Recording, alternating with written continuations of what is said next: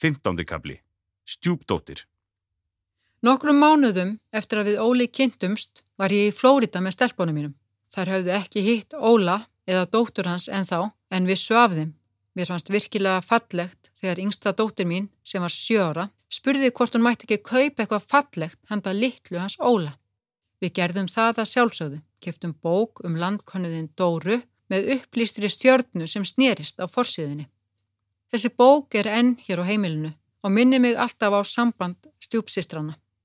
Eftir að Óli flutti til Íslands, rúmu árið eftir að við kynntumst, fekk hann einhverja umgengni við dóttur sína og við maðgurnar kynntumst henni vel. Við Óli vorum ekki byrjuð að búa saman en hann kom mikið til okkar með litlu snúlu. Hún var bara á fyrsta árinu og mikill gleðigjafi. Ég man alltaf þegar hún tók fyrstu skrefin í borstofinni hjá okkur á aflagrandanum. Vopnu sleif í korri hendi til að halda jafnvæginu betur, undir kvartningar rópum okkar, tóku nokkur skref og datt svo bossan skelli hlægandi. Hún var alltaf glöð þessi stelpa og dætur mínar fjallu alveg fyrir henni. Jara fekk þarna litla sýstur og þeirra samband var dæmigert sýstrasamband. Smá pyrringur á stundum en kærleikurinn alltaf sterkari. Eitthvað tíma saði Jara við mig að hún myndi verja litlu stjúpsistur sína fram í rauðan döðan ef einhver var vondur við hana. Fríða og litla lús urðu einstaklega nánar þó tólf ár skildu þar að. Fríða er mjög barngóð og þær stjúpsisturnar urðu sálufélagar. Svo stutta var frekar sein til máls og þróaði með sér mjög sérstatt og fyndi tungumál. Þegar orðin fóru að koma, gat hún ekki sagt fríða. Við reyndum að einfalda það í Fifi sem kom út sem Bibi hjá litlu. Fríða er ennköllu Bibi í gríni öðru hverju. Nína dóttir mín var orðin 18 ára þegar stjúpsistirinn kom til sögunar og kynntist henni á annan hátt. Setna meir áttu þær tíma saman þegar Nína kendi litlu á blokkflötu. Tveimur árum eftir að við kynntumst í New York ákvaðum við Óli að fara að búa saman. Við höfðum huga og kaupa okkur fastegn saman en það voru erfiðir tímar. Ísland var á barmi efnahagshrunns svo Óli flutti til okkar stefnana í húsið sem ég hafði búið í í næri tvo áratugi. Umgengni við barnið fór að verða reglulegri. Hún var bara ein af stelpunum mínum. Ég hafði ju ansi góða reynslu í stelpu uppeldi. Það var gaman að gera hana fína, greiða hárið sem var alveg jafn fingjart og slett og hárið á okkur maðgunum, bara öðruvís á litin. Á mornana var það fastur liður hjá okkur litlu að plata pappa. Óli saði henn að drífa sér nú í fött meðan hann fór í styrtu sem hún nú gerði en svo skaust hún undir sænkja mér og við þóttust vera sofandi þegar pappi kom fram. Þetta fannst okkur alltaf jafn fyndið dag eftir dag og pappi alltaf jafn hissa að við varum komnar í fött. Þegar litla var sex ára fundum við loksins drauma húsið okkar. 50 ára húsi þið sem þurfti að taka rækilega í gegn. Littla var mjög hissa á því að við skildum eigðilegja húsið, en á endanum var það fínt og stelpunar fengu allar falleg herbyggi. Á þessum tíma var stelpan hjá okkur fimm daga og nýju hjá mömmu sinni, en síðar jógst tími hennar hjá okkur í sex daga. Oft var núningur millir heimila. Bardsmóður Óla átti til að ákveða með litlum fyrirvara að stelpan kæmi ekki, nú eða tveim dögun setna en samningur sæði tilum. Óli tók þessu alltaf að festu, tilkynnti til síslumans og fór fram á dagsektir og úrskurði. Þegar máli var tekið fyrir hjá yfirvöldum var umgengni alltaf komin á aftur og ekkert var gert. Þennan leik var hægt að endurtaka út í hitt óendanlega. Engin tálmun átti sér stað að mati yfirvalda af því að móðurinn var svo snjöll að koma umgengni fljótlega á aftur. Eftir á að higgja hefði verið sniðura að láta kyrt liggja láta undan duttlungum konunar og gera ný plön. Hver veit nema móðurinn hefði látið af þessari hátsemi ef við hefðum látið sem ekkert væri? Nota kannski smá öfuga sálfræði á hana. Mín skoðun er svo að þetta hafi verið hennar leið til að stjórna inn á okkar heimili. Elsku litla stjúpdóttir mín ógs og þróskaðist og ekki var hjá því komist að hún erði vörðið ósætti millir foreldra sinna Það hlýtur að vera erfitt að búa á tveimur ólíkum heimilum þar sem áherslutnar eru með ólíkum hætti. Þegar stelpa var að læra að lesa, lagði ég mikla áherslu á að fara eftir leiðbenningum kennara og láta hann að æfa sig vel heima, líka á sumrin. Móður hennar sendi okkur bref þar sem hún sagði að barnið þyrti frí og hún ætti ekki að lesa í sumarfríinu. Það fór að bera á því að barnið segði ekki alltaf satt þegar hún var að reyna að verja móður sína. Það stakk mig að stelpann talaði alltaf um heima hjá pappa eða heima hjá mömmu, aldrei heima hjá mér. Sem skilnaðar barn sjálf er ég eiginlega bara fegin að hafa fengið að búa hjá mömmu og haft aðgang að pappa eftir þörfum. Ég hef líka alltaf verið þakklátt fyrir að foreldrar mínir töluðu ekki illa hvort um annað og voru raunar ágættis vinir þegar árin liðu. Ég reyndi að hafa það í hávegum að hlýfa barninu við umtal um móður hennar en er ekki viss um að mér hafi alltaf tekist það. Svo áreitni sem ég varð fyrir af halvu móður stjúpdóttur minnar trublaði mig verulega og ég hef öruglega ekki alltaf passað mig nógu vel gafkvært barninu. Eitt skipti fór ég með stelpuna á danssýningu þar sem hún var að sína. Óli var í skólanum og ég mætti einn, en mamman, kærasti hennar og afinn mættu. Þetta voru ekki þægilegar aðstæður fannst mér, en bar þó höfðið hátt, horði á litlu dúlun að dansa, klappaði og tók myndir eins og allir hinnir foreldrarnir. Eftir síninguna fór ég með stelpuna í Ísbúð og verðlaunaði hanna fyrir flotta síningu. Þegar ég kom heim, fekk ég SMS frá móðurinni þar sem hún sagði að það hefði gert mikið fyrir stelpuna ef ég hefði klappað meira fyrir henni á síningunni. Þetta er bara svo fáránlegt og ég hefði auðvitað bara átt að hlæja þessu en ég brást ekki svo vel við. Ég gerði tilraunir til að bæta samskiptin. Ég sendi Aleksandru nokkur bref þar sem ég laði til að við myndum leita aðstóðar fagmanna til að bæta ástandið. Ég sagði henni að hún mætti velja ráðgjafa, taka vinkonu eða mömmu sína með og ég skildi borga brúsan. Ekki tók hún þessu bóði mínu. Eitt sinn nálgæðist ég hana í líkamsræktarstöð.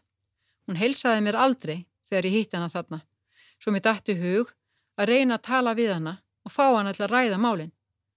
Hún brást ókvæða við og sagaði mig um að hafa ráðist á sig. Fyrstu jólinn sem stjúpdóttir mín átti að vera hjá okkur taldi ég Óla á að bjóða Aleksandru að vera hjá okkur á aðfangataskvöld. Sem móðir fann ég virkilega til með henni að fá ekki að vera með stelpunni sinna á jólunum. Þetta bóð þekktist Aleksandra ekki. Við fjölskyldan höfum alltaf notið þess að ferðast innan lands og utan. Nú er það svo að forraðislausir foreldrar geta farið frjálsir ferðasinna með börn sín innanlands en þurfa samþyggi forraðisforeldris ef haldaskal af landi brott. Við fórum í fyrsta skipti með stjúpdóttur mína til útlanda sumari 2009. Alexandra gaf okkur góðfúslegt leifi og let útbúa vegabrið fyrir hana. Við fórum svo í skemmtilega ferð til Flórida árið eftir og hittum mikka mús og mínu í Disneylandi. Árið 2015 ákvaðum við Óli að láta langþráðan draum rætast og verja jólunum og áramótonum erlendis. Við höfðum útvegað okkur hús í Flórida og öll fjölskyldan ætlaði að vera saman í sólinni. Óli nefndi þetta við Aljósandru en hún gata ekki gefið svar. Við keftum flugmiða og treystum á að barni fengi að koma með. Á þessum tíma var Aljósandra farin að búa með Davíð og það var eins og öll samskipti væri orðin styrðari. Það endaði með því að við leituðum til síslumanns og fórum fram á úrskurð í málinu. Á förstu degi, sex dögum áður en við áttum bókað far, ringdi fulltrúi síslumans í Óla og sagði honum að úrskurðurinn væri komin. Hún vildi ekki segja honum niðurstöðuna í síma og heldur ekki senda úrskurðin í tölvupósti. Nei, hann skildi koma á skrifstofu síslumans og ná í skjalið. Óli ringdi í mig og bað mig að hitta sinniður í skóalið. Það stóð á endum að hurðinni var skellt til ás á skrifstofu síslumans áður en við náðum inn. Við byðum millir vonar og óta alla helgina. Á mánudeginum fengum við úrskurðin. Hann var okkur ekki í hag. Við áttum okkar reglulegu umgengnistaga við barnið frá 17. desember og áttum að skila henni á aðfangadag. Fríða dótti mín var tilbúin að fara heim til Íslands með litlu á Þorláksmessu þannig að hún geti verið komin til móður sinnar fyrir jól. En allt kom fyrir ekki. Við máttum ekki einu sinni leifa litlu að vera með okkur á þeim tíma sem við áttum umgengri sett við hana. Alexandra skrifaði undir leifi, vottað af síslumanni árið 2008, þar sem staðfest er að Ólafur megi ferðast til útlanda með barni sitt. Það plagg er greinilega einskis virði í augum þessa síslumanns fulltrúa. Ég lefi mér að efast um að þessi úrskurður hafi gert neinum gott. Barnið fikk ekki að fara með fjölskyldunni til útlanda. Við vorum niðurbrotinn og ferðin varð aldrei það drauma frí sem vonum stóðu til. Spennan millir foreldrana minkaði ekki fyrir vikið. Þetta var ekki í eina skipti sem Alessandra neytaði dóttu sinnum að ferðast með okkur. Við Óli fórum til spánar með jöru okkar með stuttum fyrirvara eitt sumarið og vildum freista þess að taka litlu með. Ekki fegst leifi frá Alessandru og hún sagði barninu að pappi hennar hafi bara verið að ljúa. Hann hefði sko ekkert ætlað að bjóða henni til spánar. Mér finnst svolítið merkilegt í framaldu þessu að rifja upp að í rétta salnum, þegar Alessandra var spurt hvers vegna barni hefði ekki mátt ferðast með fjölskyldu föður síns, hvaðst hún hafa verið svo hrætt um að hann myndi stela barninu. Sérkennilegt að við fengum samt stundum að fara með hana og stundum ekki, allt eftir gethótt á móðurinnar. Eftir húsbrotið í júli 2016 hef ég ekki séð litlu stjúpdóttu mína, ekki einu sinni séðinni bregða fyrir á götu. Ósjálf rátt er ég alltaf að kíkja eftir henni. Við búum ekki langt frá henni og það ætti ekki að vera ólíklegt að rekast á hana. Ég veit ekki hvernig ég myndi bregðast við ef ég sæ hana. Mikið sem ég er búin að velta því fyrir mér. Ég sakna hennar auðvitað mikið, en á hinn bógin er hún búin að vera slitin frá okkur í hátt á fjórða ár og hefur í tvígang farið í viðtöl hjá félagsfræðingum síslumans og ekki sagt allan sannleikan. Við Óli vorum bóðið á fund hjá síslumanni nokkrum mánuðum eftir árásina og okkur byrt enduritt af viðtali við barnið. Því litt áfall sem við urðum fyrir við lesturinn. Barnið býr til nýja atbyrðarás og segir pappa vera vondan mann sem hún vilji helst aldrei sjá aftur. Klikkir svo út með það sagði mér engin að segja þetta hérna. Kvikna virkilega engin viðvörnaljós hjá mentuðum félagsfræðingi þegar hann heyri þessi orð. Tíu dögum áður en þetta viðtal var tekið við barnið hafði kær frænka mín sem umgegst stjúpdóttur mína mikill hitt hana í jarðafur móður Davids.